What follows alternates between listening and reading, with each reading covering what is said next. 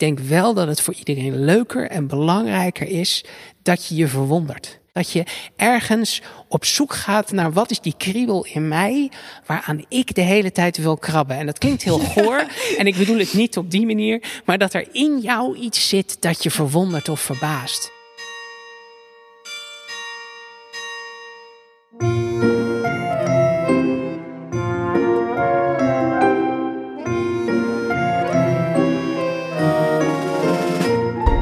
Bij Museum van de Verwondering, aflevering 2 alweer. Ik ben Diede Vonk. En ik ben Diederik Jekel. Ja. het duurde even voordat je het... Uh... ik, ik, was benieuwd of je nog ging vertellen dat je, dat je podcastmaker was ja, en, theaterbeest ja, en dat soort dingen. Misschien moeten we dat niet elke aflevering zeggen. Is wel goed. Mensen weten het nu. Is ook zo. Is ook zo. um, en we zijn nog steeds, of alweer, in de ovale zaal. En uh, op zoek naar wat verwondering precies is. Waarom die wetenschappers zo op de vierkante millimeter uh, al die dingen wilden uitzoeken. Waarom bleven ze daar zo geboeid over? En uh, we gaan wat vertellen over de snelkookpan. Jawel, dat is een stuk sexier dan het klinkt. Um, en ook over Diederik's meest bijzondere speciale dingen uit deze zaal. En eindelijk over de elektriceermachine. Yes. Dus een vol programma. Absoluut. Maar eerst wil ik het even van jou weten, Diederik. Um, heb jij je nog verwonderd de afgelopen dagen? Ah, um, nou ja, we zijn hier natuurlijk uh, bezig met, met allerlei wetenschappelijke uitvindingen die wat meer ja, met, met, met gassen en stoommachines en uh, elektriciteit te maken hebben en zo. Dat zijn een beetje de beta-kant van, van de wetenschap, de natuurkunde, de scheikunde, de biologie. Maar het mooie is dat, dat hier dat allemaal veel meer door elkaar loopt eigenlijk. En, en dat die, die wetenschappers ook gewoon in allerlei vakgebieden allerlei dingen deden. Maar ik, ik vind het zo verwonderend en zo vervelend dat er in Nederland de laatste jaren het steeds moeilijker is om geld te vinden, juist voor de geesteswetenschappen. En alle verhalen die ik hier vertel, als ik puur de formules zou vertellen van uh, dat, dat iets uitzet op het moment dat je het warm maakt of dat soort dingen, dat vinden wij natuurkundigen wel, wel, wel leuk en sexy.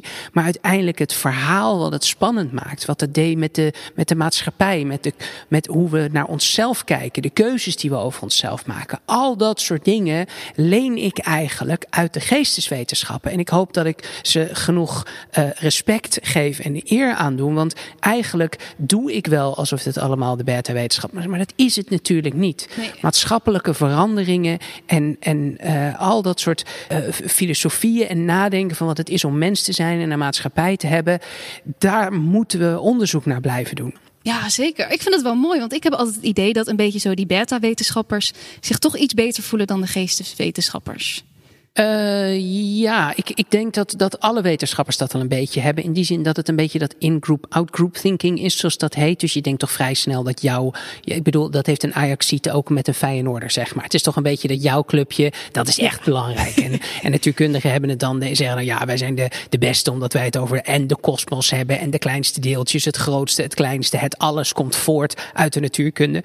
Maar ik kan me dus heel goed voorstellen dat de geesteswetenschappen inderdaad dus meer denkt, ja, maar uh, uh, kunst, cultuur, uh, wat het is om mens te zijn, daar begint het allemaal. Want als je dat niet doorhebt, ja, dan kun je uiteindelijk ook geen onderzoek doen naar, uh, naar de deeltjes en naar de sterren en de planeten. Ja, het heeft elkaar echt nodig, denk ik. Het, het, het Absoluut. Ja, het Twee kan, zijden van dezelfde munt. ja, het kan niet zonder elkaar. En dat is echt iets wat dat verlichtingsideaal, zoals ik het zie. En nogmaals, ik ben geen, geen filosofisch expert, maar dat is wat ik altijd meeneem van, van plekken als dit. Dat uh, die echt hand in hand gaan. En al die wetenschappers dus bezig zijn om en met de maatschappij en ook met, met um, uh, uitvindingen van, van snelkookpannen, zeg maar. Ja.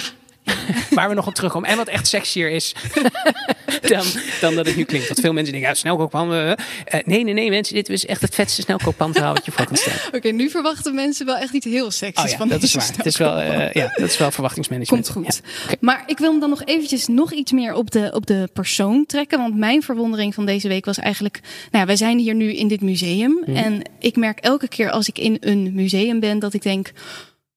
Ja, gewoon dat wow, de, dat je dingen ziet die je nog niet eerder hebt gezien, dat je dingen leert. Uh, ik leer natuurlijk ontzettend veel van al jouw verhalen, maar ook van alles, gewoon wat je ziet, al die nieuwe indrukken. Maar we zijn als mens toch ook soms zo simpel dat als je dan een paar maanden niet naar een museum bent geweest, dat je dan weet, oh ja, dat zou ik weer eens moeten doen. Maar dat je toch ook een beetje vergeet of zo. En dan, dan ben je er weer en denk je weer, oh ja. Ja, er zijn dus altijd beslommeringen natuurlijk die, die belangrijker zijn. Ik bedoel, je kinderen moeten naar school, uh, je, je, moet uh, gewoon naar werk. En, en dan vergeet je soms wel eens een beetje die, die dingen die wat tijdlozer zijn, maar zo wezenlijk belangrijk zijn. Ik moet dan altijd denken aan het spreekwoord, je moet je dak repareren wanneer het droog is. Uh, dat kan je in je werk gebruiken. Van, van je, moet, je moet nieuwe klussen gaan bedenken, juist wanneer je het niet nodig hebt, als alles binnenkomt. Zodra, namelijk als je het niet hebt, dat je het dan kunt doen. Maar zo is het eigenlijk ook gewoon met je geest. Weet je, je moet echt, misschien heb je deze dingen hier of het nadenken over het leven niet acuut nodig om je kinderen op tijd op school te krijgen. Maar deze manier van kijken naar de wereld, naar je omgeving, naar alles wat, wat belangrijk is. Dit is je, je, je traint je filter, je perceptie, je, je, je, je kennis, je geest. En dat moet je doen. Je instrument moet je blijven slijpen. Dus ga gewoon naar het museum wanneer het kan. Probeer achter die verhalen te komen. Uh, ga eens naar een theater. Ga eens naar dingen die je niet direct nodig hebt. Want ze hebben gewoon intrinsieke waarde van binnen. Absoluut. Het is de basis, denk ik. Dat denk ik wel. Ja. Oké, dan gaan we het nu hebben over de elektriceermachine. Een gigantisch apparaat. Uh, zometeen zal Trinke, de hoofdconservator wetenschap van het museum, ons daar wat geheimen over vertellen die dit apparaat zo speciaal maken. Maar kan jij hem alvast introduceren? Wat is een elektriceermachine? Nou, die, van Marem die, die deed uh, onderzoek naar uh, elektrostatica. En die uh, had een elektriseermachine gemaakt, inderdaad. En dat was eigenlijk de eerste manier waarop mensen elektriciteit konden maken op een beetje grote schaal. Dat is eigenlijk een, een soort gigantische, twee gigantische schijven van 1,65 meter doorsneden. Dus een gigantische platen. Langer dan ik ben. Is precies. uh, die draaien rond langs een soort kammetjes. En die kammetjes die wrijven als het ware elektriciteit af van die, die plaat En ik weet niet of je wel eens in de winter een wollen trui snel hebt uitgetrokken en dat je dan dat geknetter hoort. Ja, ja. Dat komt, dat is statische elektriciteit. En dat komt omdat dat wol en, je huid, dat wrijft langs elkaar. En dan kunnen er, uh, kan er elektriciteit van afgepoetst uh, worden, als het ware. En dat gebeurt ook in zo'n elektriseermachine, maar dan op een hele lompe grote schaal. Uh, zo heftig zelfs, dat um, Van daar, daar iets van 300.000 volt aan spanning en vonken van 60 centimeter lang mee kon, kon trekken. En, en dat was dat was een, een, een, een vet demonstratiemodel ook. Dus hij, hij kon daar onderzoek mee doen, maar ook allerlei demonstraties mee geven. Dus Um, uh, op een gegeven moment, uh, ik bedoel ja, ook wat minder leuke dingen, zoals, zoals kijken hoe alen geëlectrocuteerd worden. Dat vonden de mensen oh, heel alen, spannend ja. om te zien. De, de, de, de, de, vis. zeg Die, maar. die, die gooiden ze daar dan voor? Een... Nee, gewoon als je een, een pan, of heet dat, een emmer water met een aal hebt en zo'n vonk. En dan, dan kijken wat er gebeurt. En, en, en Napoleon, um, uh, of Lodewijk Napoleon, uh, die, die was in uh, 1806 door zijn broer tot koning van Holland be, uh, benoemd. En um, die bracht in, uh, op 1807, 29 april 1807, dat weten we omdat het nog in dat, dat gastenboek staat, super vet. Um, uh, daar bracht hij een bezoek aan, aan Haarlem. En daar deed hij allerlei bloemisterijen aan, de grote kerk en, en van alles en nog wat. Um, maar ook dus het Tijlersmuseum, gewoon omdat hij het leuk vond. Hij had, had interesse in, in kunst en wetenschap en dan uh, gaat, hij gewoon, uh, gaat hij gewoon even langs. Zo, zo was hij. En um, hij uh, wilde een, een Frans model hier, hiervan, een soort koninklijk instituut oprichten. Hij was ook de stichter trouwens van, van het latere Rijksmuseum overigens. Oh. Um, maar goed, voor die nieuwe vorst deed Van Marem enkele proeven. En het verhaal zou zijn dat Napoleon, Lodewijk Napoleon zo onder de indruk was van die machine uh, en het effect van die statische elektriciteit. dacht, dat is vet. Dat moet ik uitproberen op mijn soldaten. Kijken wat er dan gebeurt. Nou, en dat, dat Van Marum kon uh, maar net daarvan weerhouden. Want... Wacht even hoor, dus het verhaal gaat dat hij zijn eigen soldaten... Ja, ik, ik, weet je, in, in die tijd was ook gewoon de, de waarde van menselijk leven ook ietsje minder uh, heftig dan nu. Ik bedoel, ja. als je daar leest hoe, hoe, hoe de, de mensen op schepen, hoe er met, met scheepsjongens werd omgegaan, zeg maar. Ja, je gaat er gewoon van uit dat, dat dat een derde halverwege toch wel sterft. Weet Ja. je? Het is allemaal net wat, wat Alsof je minder echt belangrijk. eh, minder mens bent. Ja, ja, totaal. Het is, ja, helaas is dat minder, was dat toen wat minder eh, eh, belangrijk, denk ik. Maar met moeite kon die van Marem dus ehm eh,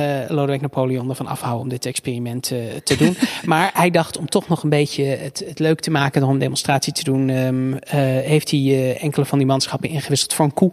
En dat, dat beest dat ging helaas natuurlijk wel direct eh, door zijn knieën. Dat is natuurlijk, het is niet goed voor een koe. Oh, ik vind het ook zielig voor een koe, inderdaad. Zeker, maar de waarde van koeien destijds was zo mogelijk nog minder dan de waarde van, eh, van Oké, misschien Dus ben ik eh, eh, te gevoelig. Maar 300.000 volt, waar kan, waar kan ik dat mee vergelijken nu? Hoeveel volt is een... Ja, nee, ehm, het, het, het, het is in ieder geval genoeg om een bliksem van 60 centimeter te trekken. Dat, Ja. dat is een beetje wat je denk ik moet doen. Je, het, het is, ehm, je, je moet het niet, ehm, niet door je heen krijgen. Dat is niet, eh, niet Nee. handig. Maar, Nee. Er is hier iemand eh, in het museum, Trinke, conservator, die nog iets meer wil vertellen over deze elektriceermachine. Dus eh, misschien moeten we even kijken wat zij er nog over te zeggen heeft. Leuk. Ik sta hier nu naast Trinke, hoofdconservator wetenschap. En we staan hier op de plek waar die elektriceermachine gestaan heeft. Er staat hier ook in de ovale zaal dus een enorme vitrine. En die elektriceermachine is ook gigantisch. Hoe heeft dat hier allemaal gepast? Ja, dat is een van de geheimen van eh, de ovale zaal en ook van het museum. Want wat je ziet is in 1784 gaat het hier open en dan is het hele museum de ruimte waarin we nu staan. Dus dit is wetenschap, dit is kunst, maar dit is ook een publieksruimte en een laboratorium in één. Dus die, dat middenmeubel, daar liggen nu vitrines op met mineralen. Maar toen het open ging was dat een hele lange, gladde tafel. Daar kon je tekeningen op eh, bestuderen. Daar kon je als je wilde ook proeven op doen. Dat was werkruimte. Ja, want ik begreep En- dat hier ook die tekeningen, dat is een soort van de basis van die vitrine. Wa- Wat voor tekeningen zijn dat? Zijn dat ook wetenschappelijke tekeningen of echt kunst? Nee, echt kunst. Ja, ja, kunst. Dus dit was een instituut voor kunst en wetenschap. Dus dat bestond heel mooi naast elkaar. Maar wat je ziet is, nou ja, de, je eerdere vraag, waar stond dan die enorme onderzoeksmachine?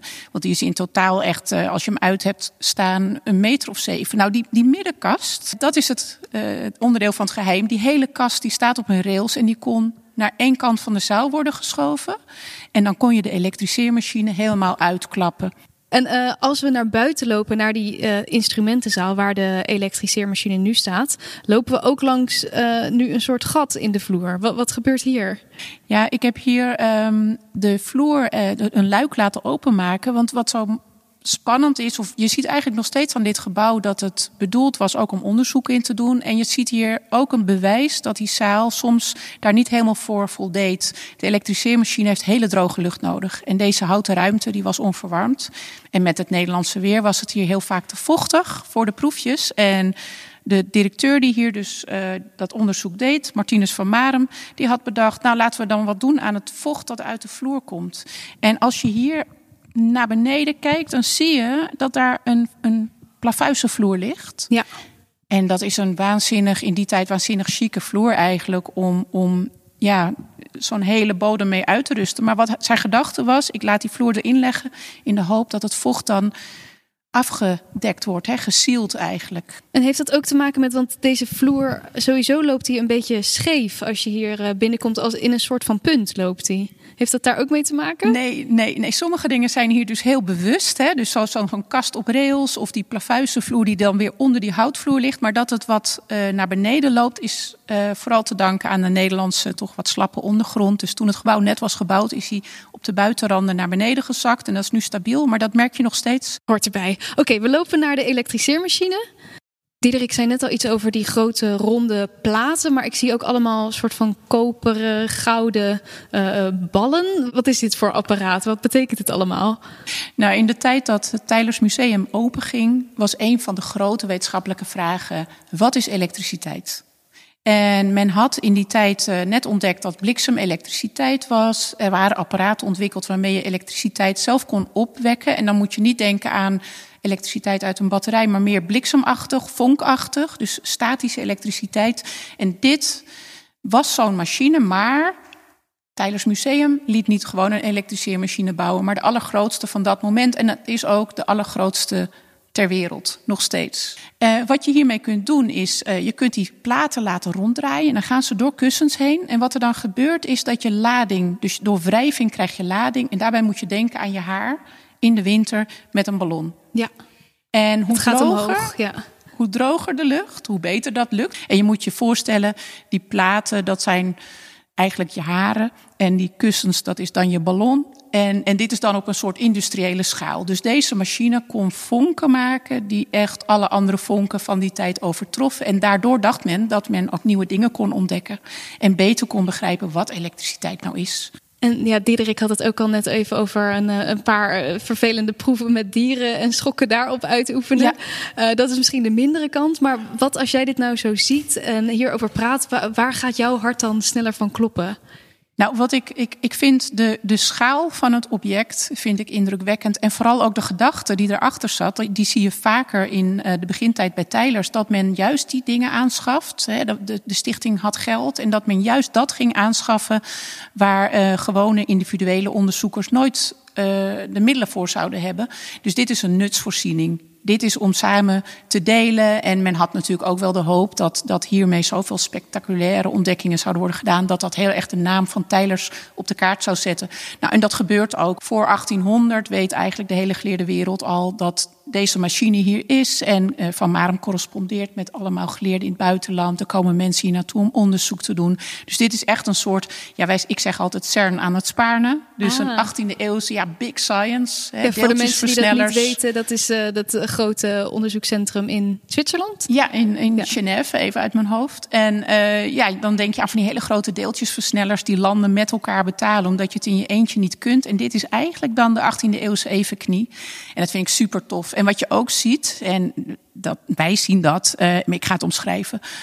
Het centrale deel van dat instrument is heel mooi, heel mooi bewerkt. En dat is ontworpen door de architect van de ovale zaal. Dus dit was ook wel een pronkstuk. Ja, dus ook het uiterlijk is ook belangrijk eigenlijk. Ja, dit is echt een, dit, dit is niet alleen een indrukwekkend instrument in wat hij kon en voor die tijd, maar het was ook een statement van museum. Hier stoppen wij ons geld in, dit is wie wij zijn. Hiermee gaat de wetenschap naar een nieuw niveau en, en hè, we delen dat met elkaar. En, en verlichtingsideaal, hè, kennis is macht. Dus dat vind ik prachtig. Wat misschien ook wel leuk is. eh, Ik vind het zelf al helemaal niet lekker om een kleine schok te krijgen van een autodeur of iets. Maar um, hier, nou, er werden materialen onderzocht, dieren. Maar Van Marem die onderzocht ook bijvoorbeeld wat de invloed was op de hartslag van mensen. En dan had hij proefkonijnen nodig. Dus dan zie je ook dat hij zijn eigen echtgenote aan de vonk onderwerpt. Oh. Zichzelf, uh, een knechtje, dus een jongetje van twaalf. Oh, maar dat zijn en, dus de, de, wat kleinere vonkjes dan, hoop ik. Nee, dat, is, dat zijn de wat kleinere vonken, maar dat is nog steeds heel onplezierig. en dat schrijft hij ook, want uh, hij is heel letterlijk in zijn verslaglegging. Dus hij noteert dan ook de hartslagen en zegt, concludeert, nou, het heeft niet echt invloed. Het gaat ietsje sneller, maar dat zullen de spanningen wel zijn. Oh ja, ja, ja lijkt mij ook. maar hij zegt ook, ja, ik krijg eigenlijk nooit iemand nog een keer uh, als kandidaat voor die proeven. dus niemand wil een tweede keer. En dan, dan legt hij ook uit dat hij uiteindelijk dus vooral ook heel veel proeven op zichzelf neemt. Zo ja, je moet er wat voor over hebben voor de wetenschap. Ik kan me ook voorstellen, jij weet alles van dit museum en van een heleboel apparaten hier. Ben je ook wel eens jaloers dat je er niet bij was in die tijd? Of is er iets wat je had mee ja, willen maken daar? Wat ik uh, spectaculair vind. Kijk, ik, ik zie dit instrument als een historisch instrument in deze ruimte, waar het natuurlijk pas 100 jaar later terecht kwam. En ik zou het heel graag willen zien in de setting zoals het was. Die kast opzij en dan daar de proeven doen. En één proef springt er daar uh, voor mij bij uit. En dat is Van Marum, die hangt een keertje in het donker is het dan al. En dan hangt hij onder onze galerij, hangt hij metaaldraad op. En dat gaat hij onder spanning brengen met de machine. En wat er dan gebeurt is, hij neemt een soort schijnsel waar over die hele, die hele cirkel. Dat, dat, gaat helemaal oplichten. En dat, we weten nu dat is Sint Elmus vuur. Wist hij oh, toen niet. Okay. Het was wel een, een verschijnsel wat hem helemaal, nou ja, met stomheid sloeg. En hij, hij schrijft ook over, hij laat dat ook afbeelden. En dan zegt hij er ook bij, bij de afbeelding, ja, de, de tekenaar heeft zijn best gedaan. Maar het was in het echt zo mooi, dat, dat hebben we toch niet over kunnen brengen. En ik, ik denk vooral rond kersttijd, als ik hier rondloop, wat zou ik dat nou graag hebben willen zien? Ja, want die hele zaal was dus ook uh, blauw. Uh, Hoe heeft dat eruit gezien? Ik denk, maar ik was er natuurlijk niet. Ik denk, want ik ken het fenomeen dan wel hè, eh, eh, van moderne foto's. En ik denk, goh, dan was die zaal natuurlijk heel donker in die wintermaanden. En het vroor en de machine deed het goed. En hij, hij gaat die draad gaat hij onder elektriciteit brengen. En dan, dan gaat dat helemaal langs die hele zaal blauw oplichten en, en knetteren. Uh, ja, ja, fantastisch. Ja. Waarom stond die elektriseermachine op die plek waar die dan stond? Er is bewust gekozen voor deze locatie. En dat heeft ermee te maken dat je het ochtendzonlicht op de glazen platen moet hebben. Heeft weer met vocht te maken, want hoe droger het is, hoe beter de machine werkte ik weet uit de aantekeningen van Van Marem dat hij daar soms echt uh, uren mee bezig was. Dus dat moest langdurig voorbereid worden, opwarmen. En dan gingen er ook nog hete zakken zand tegen de glazen poten om dat vocht maar kwijt te raken. En uh, één keer ging dat uh, nou ja, mis. Want nee, heel belangrijk bezoek. Hè. Napoleon die komt hierheen naar Haarlem. En een uur van tevoren krijgt Van Marem het bericht. Kun je ook even de machine demonstreren? Want de keizer wil dat graag zien. Die heeft erover gehoord. En Van Marem nou ja, die, die ziet dat niet gedaan. Die dag was het regenachtig, dus het was ah. sowieso een verkeerde dag. Hij had te weinig tijd. De keizer is hier, het lukt niet. En dan heeft hij gelukkig nog ergens een kleiner model dat ietsje minder gevoelig is voor vocht. En dan demonstreert hij die maar. Oh, maar bij de grote keizer Napoleon heeft hij dus helaas niet in volle glorie kunnen laten zien. Nee, ik, en ik denk dan altijd wel weer, hè, op een zeker moment, dan krijg je toch bijna een persoonlijk band met mensen die hier ook vroeger hebben gewerkt. Denk ik, oh, wat zal die in de piepzak hebben gezeten? wat zal die gebaald hebben? ja. Heel erg bedankt, Trinke. Heel leuk om het even vanuit jouw mond te horen, want het is toch nog wel nog iets dieper bij de, bij de kern wat het uh, vroeger geweest moet zijn. Het is super interessant en dankjewel. Heel graag gedaan.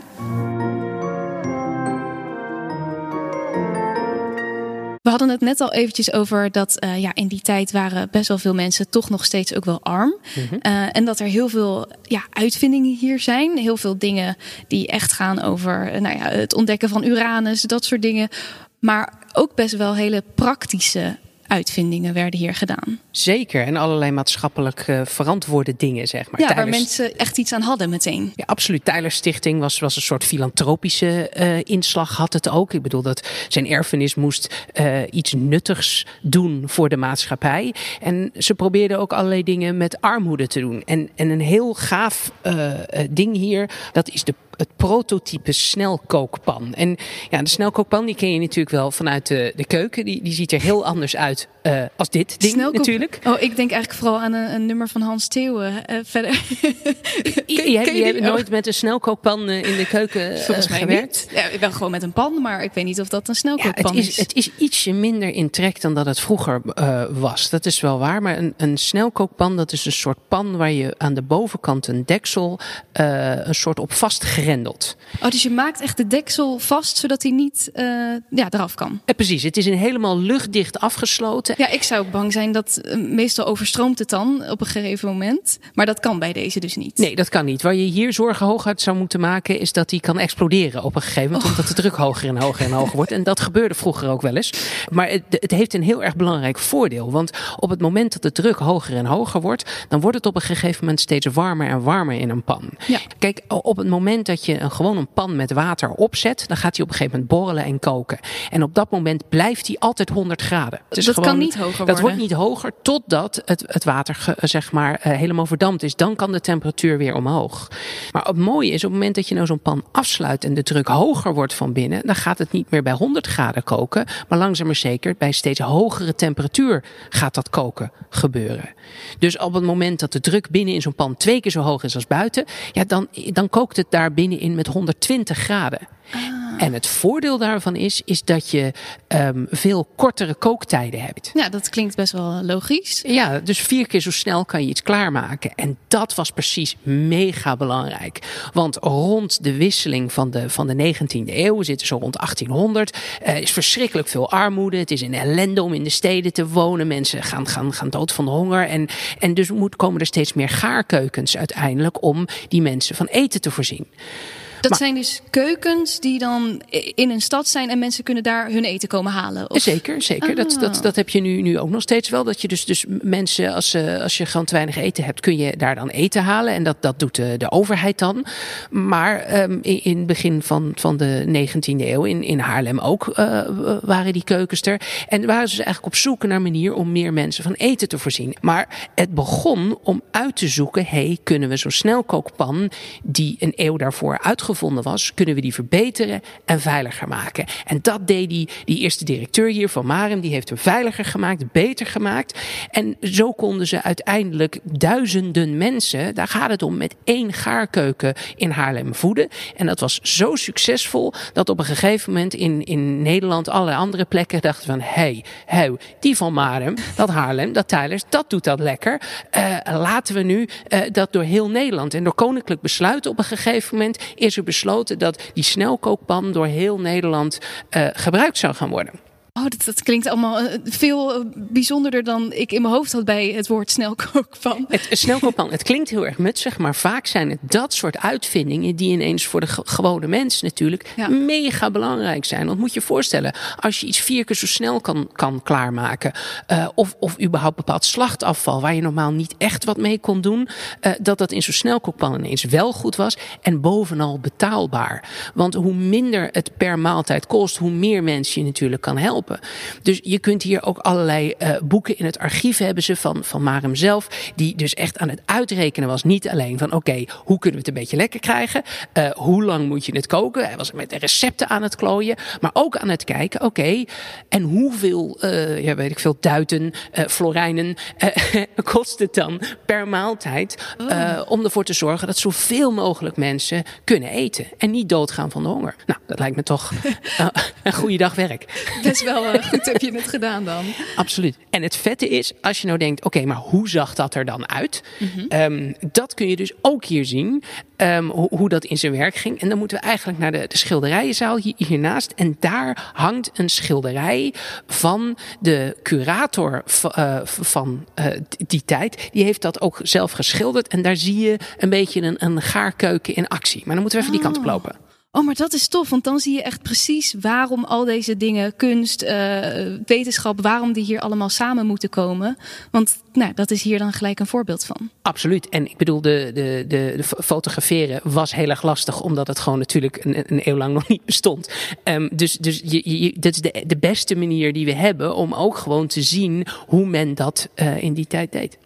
Maar dat kan ik je laten zien. Ja, laten we even gaan kijken. Wauw. Uh, eerste schilderijenzaal. Ja, prachtig toch? En uh, weer dat prachtige licht hoe dat binnenvalt. En een mooie groene ruimte met overal schilderijen.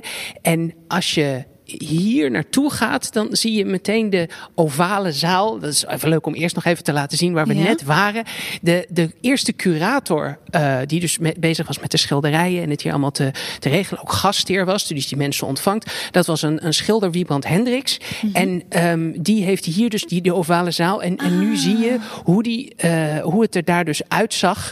Um, uh, helemaal lang, lang geleden van, vanaf de, het eerste moment. En je ziet eigenlijk dat het precies, precies hetzelfde, hetzelfde is wat, je, wat je nu ziet. Alleen dus die grote elektriseermachine, ja. uh, die is daar, uh, staat er nu niet, zeg maar. Maar verder is eigenlijk alles tot die gekke piramidetjes en, en weet ik veel. Dus het, dat vind ik dus het, het mooie en het vette. Het is alsof je dus gewoon in een soort 3D-schilderij terecht komt. Ja. En, en de tijd echt heeft stilgestaan. Ja, want echt alle vitrines met alle instrumenten, alles ziet er hetzelfde uit. En nu zien we ook de mensen uit die tijd met uh, mooie hoeden, jurken, jassen daar zitten. Ja, echt de pruikentijd. Hè? Dat is toch te gek dat dat gewoon de mensen rondlopen als een soort uh, historisch drama. Zie je gewoon. Uh, het was toen gewoon. Het was toen gewoon, net zoals The Crown-achtige, weet je wel. Daar kijken ja. we nu voor op Netflix. Maar het is gewoon The Crown, maar dan gewoon hoe die was op dat moment. Misschien komen we daar nog wel op als we deze zaal een keer in een aflevering gaan uh, Ja, want hier, hier zit ook weer zoveel mooie schilderijen en verhalen achter. Maar dat, dat zouden we eventjes goed moeten uitzoeken. Degene die ik wel weet, en dat is, dat is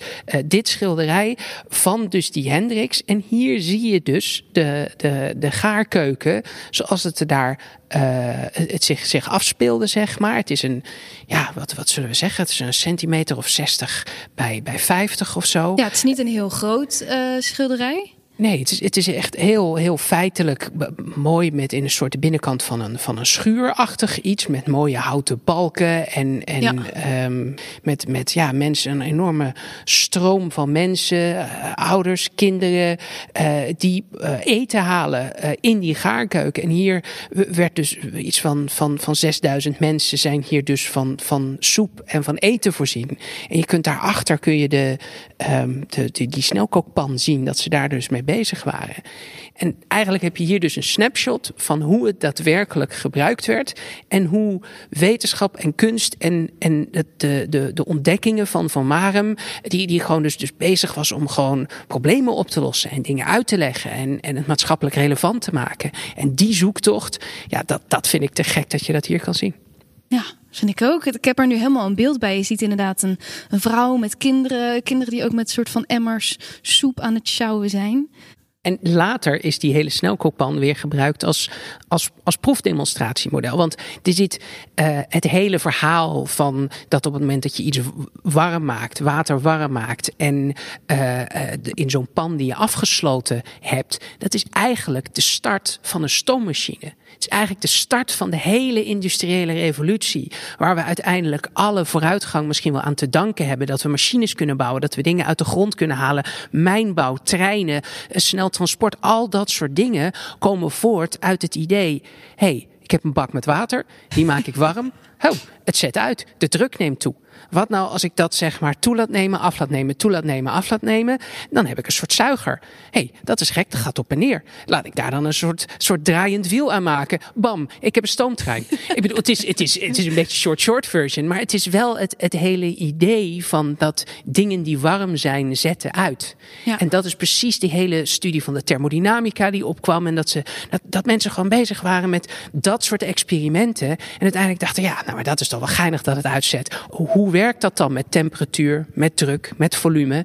Uh, en misschien dat, dat Van Marem en, en de mensen daar net zo'n stuiterballerig verhaal aan het vertellen waren, zoals ik nu doe, uh, over de ideale gaswet. Ja, en over hoe de snelkookpan toch eigenlijk het begin is van, van al het leven. Het, het totaal. ja, waarschijnlijk, waarschijnlijk dat ze nu zouden zeggen: Nou, we hebben nou toch iets uitgevonden, mensen. Het heet een snelkookpan. Het nieuwe wonder van deze tijd, zeg maar. Alsof het uh, de iPhone 14 is. Precies. Wat ja, dat betreft. Dat er dan ook zo iemand kwam een presentatie geven over de snelkookpan. ja. nou, dat ziet de luisteraar niet, maar Diederik staat echt te springen bij dit verhaal. Ja. dus ik denk, ja, die mensen moeten daar ook wel zo enthousiast over zijn geweest, toch? Want het is, zoals ik het van jou nu hoor, gewoon uh, revolutionair. Ja, absoluut. Ja, ik weet natuurlijk niet hoe de, de, de presentatieskills, dat zouden ze eigenlijk moeten vragen van, van, van Marem en de mensen hier, hier waren. Want ik bedoel, ik kan me voorstellen dat het ook heel erg, natuurlijk heel erg statig was. Van kijk eens wat hier mogelijk ja, ja. is en dat soort dingen natuurlijk. Dat, dat weet ik niet. Helaas, daar komen we nooit achter, denk ik. Het schilderij daarboven, dat is uh, van Marem zelf. Dat is degene die met al die grote wetenschappers uh, door heel Europa aan het praten was en op zoek was naar de nieuwste uitvindingen en, en hier dus allerlei onderzoek deed. Dat, dat, hij is de Oh, eerste hij hangt er gewoon museumdirecteur. bij. Hij hangt er gewoon bij. Hij kijkt uh, een beetje, beetje streng onderzoekend uh, op ons neer. Ja, het ziet er wel uit als een, eh, een, een oude wijze man. Absoluut. Ja, het is een beetje een. Uh, ja, hij heeft een prachtig uh, wit, lang, grijs haar. En Ja. Een beetje, een, beetje een, een, een, een haakneus, dat wel. Ja, flinke neus is het. eh, bru- bruinige kraaloogjes, zeg maar. En hij kijkt je priemend en doorzoekend aan. Zoals, Ja. een, zoals een oude wetenschapper dat. Uh, zoals ik dat ook voor me zou zien. Zeg. Maar hij kijkt me ook wel echt inderdaad aan. Hij kijkt hij jou ook aan? Ja, absoluut. Ja, dat Ja. is een mooi trucje van. Een van soort eh, uh, Mona Lisa. precies. Ik denk dat we hier nog veel meer over gaan horen als we dus een keer deze eh, zaal gaan bespreken. Yes. Laten we teruggaan naar de ovale zaal. Ja, Want daar zijn volgens mij nog een heleboel andere dingen te zien. yes, let's go.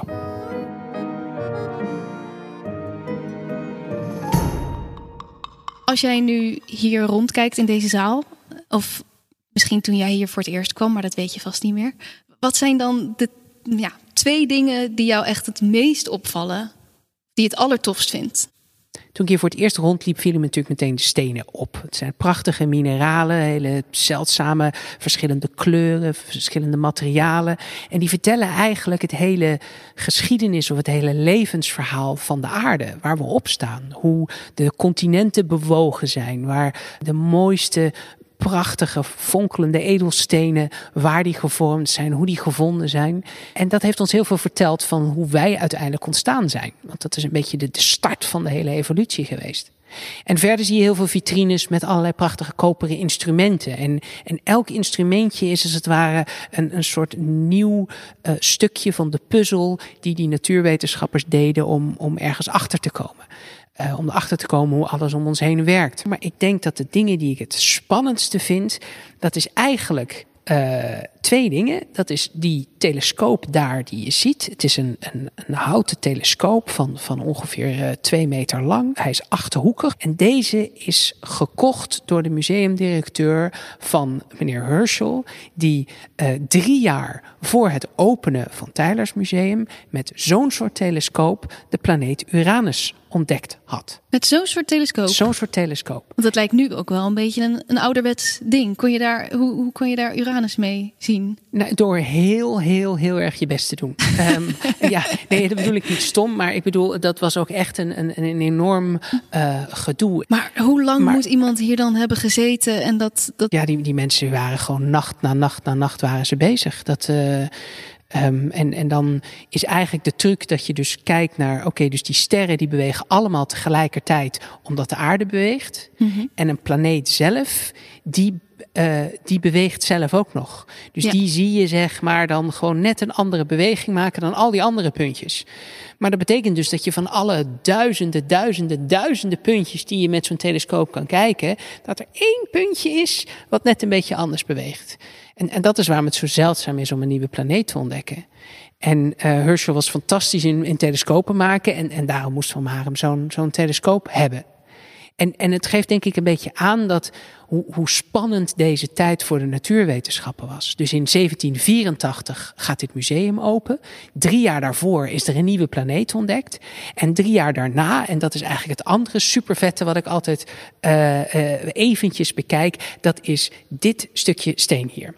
Nou, um, ik kan me voorstellen dat jij heftig niet onder de indruk bent als ik hier naar wijs. Ik zie uh, ja, echt een soort van grijs stukje steen, terwijl ik hier omheen allemaal prachtige paarse, blauwe, groene, andere soorten stenen zit. Maar dit lijkt me inderdaad het minst, uh, minst, minst interessant. Ja, het, het, lijkt een beetje als je, als je niet zo uh, niet heel erg getraind oog bent, eigenlijk bijna een soort, soort, soort beton ja. Uh, achtig. Ja, wat je kleuren. hier gewoon op de straat zou kunnen vinden eigenlijk. Precies, dus de, Bijlmerbaai is, is, afgebroken onlangs. Nou, dan, dan komt dat daarvan af, zeg maar. Dat soort brokstukken, daar lijkt het een beetje op. Het is driehoekig. Het is uh, ongeveer een, zal het zijn, een centimeter of, of acht uh, hoog. Een centimeter of drie, vier dik. Um, en het is driehoekig. Um, maar waarom dit bijzonder is, is dit is een topje van de Mont Blanc. Dit is de top van de Mont Blanc. De, ja, wacht, de, de ja, berg. De top. De top. Want je zei net een topje, maar het is dan. Nou ja, dat is heel interessant. Op het moment dat je de top van een berg afhaalt, is er een nieuwe top. maar dat is dit waar, ja. is een souvenir meegenomen door. Um, het is een soort Zwitserse superwetenschapper, was dat. Echt zo'n zo'n zo'n Homo universalis, die dus alles interessant vond. Hij heette Honoras Benedictus Saussure. Um, en hij wordt gezien als een van de stichters van het alpinisme. En hij was bezig met, met botanie, dus, dus met, met planten, maar ook met het weer, de meteorologie, met, met stenen, de, de geologie, de scheikunde, de natuurkunde. En hij maakte allerlei instrumenten zelf om de wereld beter te begrijpen. Allerlei van dit soort instrumenten die je hier uh, uh, ook kon zien. En um, hij ontdekte even 15 mineralen in zijn eentje en heeft de, de Alpen, dus al die bergtoppen qua ligging en hoogte, helemaal in kaart gebracht. hij was eigenlijk ook, ook landopmeter. En hierdoor raakten rijke mensen in Europa geïnteresseerd in de Alpen, omdat ze dat in, hun, in dat boekje van hem terug zaten komen. En eigenlijk heeft hij dus een beetje het, het vroege toerisme op gang gebracht. Dus als je nu naar Zwitserland graag gaat om, om te wandelen, want jij houdt geloof ik heel erg van, ja, van wandelen. Ja, zeker. Dat is basically gestart gewoon bij deze uh, meneer de Saussure. En um, hij, hij bedacht allerlei dus apparaten. Dus hij heeft bijvoorbeeld een, een hygrometer uh, bedacht om de vochtigheid, luchtvochtigheid te meten. Um, en dat, dat deed hij dan door een mensenhaar uh, aan een gewichtje uh, vast te maken. En de luchtvochtigheid bepaalt namelijk of dat die mensenhaar korter of langer wordt. En dat, dat had hij ontdekt. En daardoor kon hij dus heel mooi met een soort schaalverdelingje en een gewichtje aan een mensenhaar, kon hij kijken van oké, zoveel luchtvochtigheid is er. Maar dus. hoe, hoe kom je hierachter? Hoe kom je op het idee om een mensenhaar te gaan pakken en daar een gewichtje aan te hangen? Dat is nou dus die verwondering. Ja. Wat je nu vraagt, hoe kom je naar achter? Dat in zichzelf is al die verwondering. En, en dat is de eerste stap. En wat hij deed, was gewoon zich afvragen van oké, ik wil iets weten van de Alpen. Ik wil begrijpen hoe het weer in elkaar zit. Nou, dat wilde hij dan eh, ontdekken. Eh, enerzijds gewoon uit pure interesse, uit verwondering. Anderzijds natuurlijk ook eh, op het moment dat het een lange tijd niet regent mislukken de oogsten en gaan gewoon hele uh, mensengroepen dood. Ja. Dat is natuurlijk in die tijd uh, ook uh, heel erg van belang. als je gewoon weet hoe het weer zich gaat gedragen, dan kun je er uiteindelijk voor zorgen dat je um, meer eten van het land kan halen. Dus, de, dus je wil eerst moet je iets willen weten. Je moet een soort een soort kriebel hebben die gekrapt moet worden. Je moet een soort intrinsieke motivatie hebben om ergens achter te komen. Ja. En dan ga je denken, oké, okay, maar hoe zou ik nou kunnen meten uh, dat, uh, wat de luchtvochtigheid is? Nou, uh, als je dan op een gegeven moment hoort bijvoorbeeld dat, dat, dat je haar misschien, als het regenachtig is, zit jouw haar misschien, is misschien wel pluiziger oh, of ja. niet. Ja, en dan denk je van, nou, hé, hey, op het moment dat het vochtig is, dan wordt mijn haar pluizig.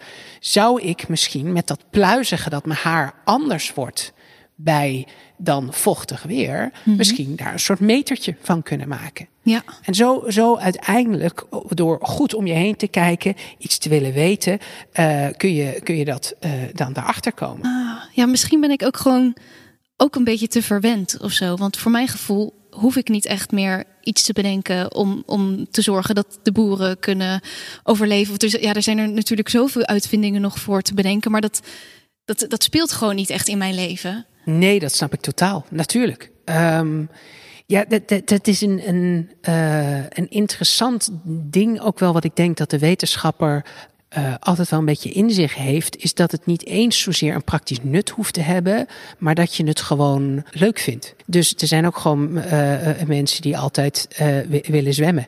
Er zijn ook mensen die altijd willen werken. Er, zijn ook men, er zit iets in je waardoor je gewoon altijd iets wil weten. Dat je gewoon niet kan uitstaan dat je het niet begrijpt. Ja. En dat is een beetje die kriebel die ik bedoel, die, die, die, waaraan gekrapt moet worden. hij, hij, hij moet gewoon daar, daar achter te komen, die zuur. Maar heeft iedereen zo'n kriebel, denk je? Ik denk dat iedereen zo'n kriebel in basis bijna wel heeft. En dat denk ik omdat kinderen ze allemaal hebben. En we zijn allemaal kind geweest. Dus elk kind vraagt de hele dag door waarom, waarom, waarom, waarom, waarom, waarom. Ja. En het eerste wat een kind als probleem dan tegenkomt, is het eindige geduld van de ouders. Die zeggen op een gegeven moment, ja Jantje, omdat het nou eenmaal zo is, weet ik veel. Ja, de gras is gewoon groen, laat me met rust. En dan leren we eigenlijk onze kinderen een beetje af om dat soort vragen te stellen. Ja. Nou, als een kind die periode overleeft en, en uh, ouders heeft die, die niet eindig geduld hebben of, of die leren of wat dan ook, doen. die dat een beetje kunnen stimuleren, dan komt dus het volgende probleem voor, voor kinderen is dat ze puber worden. Ja. En als puber weet je alles. Want het is een teken van zwakte om te zeggen, ik weet het niet. Mm -hmm. En als puber kun je geen zwakte veroorloven. Dus ja, natuurlijk weet ik alles en uh, anders interesseert het me niet. Dus ja. begrijpt, dat is een beetje Zeker. die puberhouding. Ja, ja. Nou, en als je die dingen doorkomt, dan word je wetenschapper. Wauw, dus als je aan het einde van je puberteit het hebt gered om nog steeds nieuwsgierig te zijn. Absoluut. Als je als nerd door alle sociale conventies en normen heen bent gestruggeld, dan komt het goed. Maar, maar een nerd is wat dat betreft ook in de muziek te vinden. Of, Ja. of in het theater, weet je wel. Ja. Je hebt allemaal van die muzikanten die eindeloos met een gitaar allemaal likjes aan het oefenen zijn. En Mhm. echt iets willen doorgronden. Nou, dat is natuurlijk ook, ook nerdschap. En dat is ook prachtig. Het gaat me niet om dat je het met kristallen hoeft te hebben. Nee. Maar ik denk wel dat het voor iedereen leuker en belangrijker is dat je je verwondert. En dat je het wil. En dat je ermee aan de gang gaat. Dat je ergens op zoek gaat naar wat is die kriebel in mij. Waaraan ik de hele tijd wil krabben. En dat klinkt heel goor. En ik bedoel het niet op die manier. Maar dat er in jou iets zit dat je verwondert of verbaast. En in jouw geval is dat theater. Ja, Toch? zeker, maar dat mis ik dus nu al zo lang eigenlijk. En, en het is ook podcasting. Het is ook, tuurlijk, ik vind het ook echt wel in andere dingen, maar ja, niet elke dag of zo. En ja, en misschien moet ik dat, dat nerdschap in mezelf weer even gaan vinden. Want ik kan me wel voorstellen dat nerds misschien wel de gelukkigste mensen zijn. Absoluut. Absoluut. Je, je, je bent namelijk gewoon helemaal monomaan gefocust op datgene wat je zo leuk vindt. Omdat je het mooi vindt, omdat het je, je hart openzet, omdat je ermee aan de gang gaat, omdat je ermee aan de gang moet gaan. En al de dingen hier die je ziet, zijn eigenlijk gebruikt door allemaal van die mensen die gewoon dingen wilden doorgronden. En zoals zo'n Saussure in 1787, drie jaar na de opening van het Tylers Museum en zes jaar na de ontdekking van Uranus, zeg maar, Ja? ehm, heeft hij de eerste wetenschappelijke beklimming van de Mont Blanc eh, ondernomen. En hij heeft toen de hoogte van de Mont Blanc bepaald op 4775 meter. Zat maar zo'n 30 meter vanaf. En toen uiteindelijk de directeur, de, de museumdirecteur, waar we het eh, al eerder over hadden, eh, van Marem, in 1802 een reis door Europa, Europa ondernam om weer allerlei nieuwe mensen te ontmoeten en nieuwe instrumenten voor Tylers te halen en zo. Eh, toen heeft hij onder andere de zoon bezocht van die Saussure. En hij heeft toen van die zoon een eh, collectie stenen gekocht, waaronder dus het hoogste stukje van de Mont Blanc, wat net onder die ijslaag zat, heeft Saussure gewoon meegenomen. En het is bijna filosofisch interessant. Op het moment dat hier de top van de Mont Blanc ligt, is dat dan nog de top van de Mont Blanc? Ja, Dat is natuurlijk. Nee. eh, Eigenlijk dan- op, op het moment dat je het meeneemt, heb je het kapot gemaakt. oh ja, dus dan is het eigenlijk nu gewoon een, een steen. Ja, eigenlijk is het nu gewoon een steen. Ja. dat is waar, maar wel een mooi een steen met een mooi verhaal. En misschien is dat wel het leuke van, van, van musea en plekken en zo. Is dat, kijk, het, dit, dit, is een, eh, dit is een museum waarin je niet allemaal gigantische televisieschermen ziet en explosies en vuurwerk. En, en in, in Nemo mag je aan allerlei dingen zitten. Maar het, het bijzondere is dat dit allemaal zo'n groot verhaal heeft eigenlijk. Waar we vandaan komen en, en hoe de mens altijd bezig is om, het, om de wereld beter te begrijpen. En onszelf beter te begrijpen. En dat zie je hier in al deze dingen weer terugkomen. En daarom ben ik verliefd op de ovale zaal. Vandaag is eigenlijk een beetje je, je, je eerste echte hardcore ovale zaalbeleving volgens mij. Zeker. Wat vind je er nou van, van Tylers Museum? Ja, ik word er ja, toch wel echt heel enthousiast van. Maar ook, ook om de gesprekken die we erover hebben. Omdat het bij mij weer iets aanwakkert van... Oh ja, dit zijn allemaal mensen geweest die deze, al deze dingen hier naartoe hebben gebracht. Die al deze instrumenten er iets mee wilden. Het leven mooier wilden maken of wilden begrijpen. Het, ja, daar zit zoveel achter. En het gaat ook echt wel om die verhalen, denk ik. Ik hou gewoon heel erg van, van verhalen. Het is imponerend, want het is een, een megazaal met al die instrumenten om me heen. Maar ik denk als je gewoon hier komt en al één van die verhalen zou kunnen horen of weten, dan is het al geslaagd. Ja, En of als ik elke dag maar één van zo'n soort verhaal zou leren, zou ik al een gelukkig mens zijn, denk ik. Klinkt misschien heel, eh, heel, heel, heel tuttig, maar ik, het is wel toch ook een beetje waar het om draait. Ja, ze hebben echt. Ik denk dat je het super mooi samenvat. Ze zijn echt. Ik denk dat het, de naam Museum van de Vondering gewoon daarom zo goed gekozen is. Omdat dat hetgene is wat dit allemaal bindt. Alles hier is gemaakt met bloed, zweet en tranen. En heel veel liefde door mensen die dingen wilden begrijpen en doorgronden. En, en dat kan dus ook zijn in, in een prachtig kunstwerk. Er zijn die hele bijzondere tekeningen eh, en schilderijen. Een gigantische collectie van, van Michelangelo die, die zijn weerga niet kent, zeg maar. En allerlei andere dingen. Heel depot met, met mega veel prachtige schilderijen en tekeningen. En ook daarin zit natuurlijk precies diezelfde zoektocht die een schilder doet. Van kan ik een gevoel van een moment vatten? Wat maakt, welke pennenstreek zorgt er nou voor dat een gezicht tot leven komt? Welke be- beweging, welke franje zorgt er nou voor dat dit landschap ineens ademt of ruimte Ja. krijgt? En al die dingen, die zoektocht, die zit hem dus zowel in die kunst als in de verhalen van, van die wetenschappers. En ook zelfs in de munten die hier allemaal liggen. Dat elke munt, daar zit natuurlijk een, een, een, een maatschappelijke eh, situatie achter van rijkdom en, en, en armoede en, en afbeeldingen van koningen erop en valsmunterij en al- van alles en nog wat. En dus eigenlijk zit, zijn die verhalen, dat is hetgene wat eh, misschien zich wel afspeelt twee eeuwen geleden of ruim twee eeuwen geleden. Maar uiteindelijk zijn het nog steeds de verhalen die je herkent, omdat het ging over mensen. Zij het onze bed, bed, bed, bed, bed, bed, overgrootouders. Ja. Maar in principe zijn het gewoon verhalen van ons. En het willen begrijpen wat het is om mens te zijn. Of in de wereld te leven waarin we leven. En ik denk dat die zoektocht, die verwondering, dat is gewoon te gek. Ja, ik hoop heel erg dat we dat in de volgende zalen ook mee gaan maken. De eerstvolgende is de eerste schilderijenzaal. Eh, we waren er vandaag al eventjes om de snelkookpan te bewonderen. Maar volgende keer leren we daar nog veel meer over. Ook met een beetje hulp van hoofdconservator kunst Terry. Daar is ook weer heel veel bijzonders over te vertellen, dus mis hem niet. En vond je dit een leuke aflevering? Laat het ons dan even weten, bijvoorbeeld via de socials van Tijlers. Of uh, laat een recensie achter in de podcast-app. Volg de podcast via Spotify, Apple Podcast. Daar worden wij heel erg blij van. Tot de volgende keer.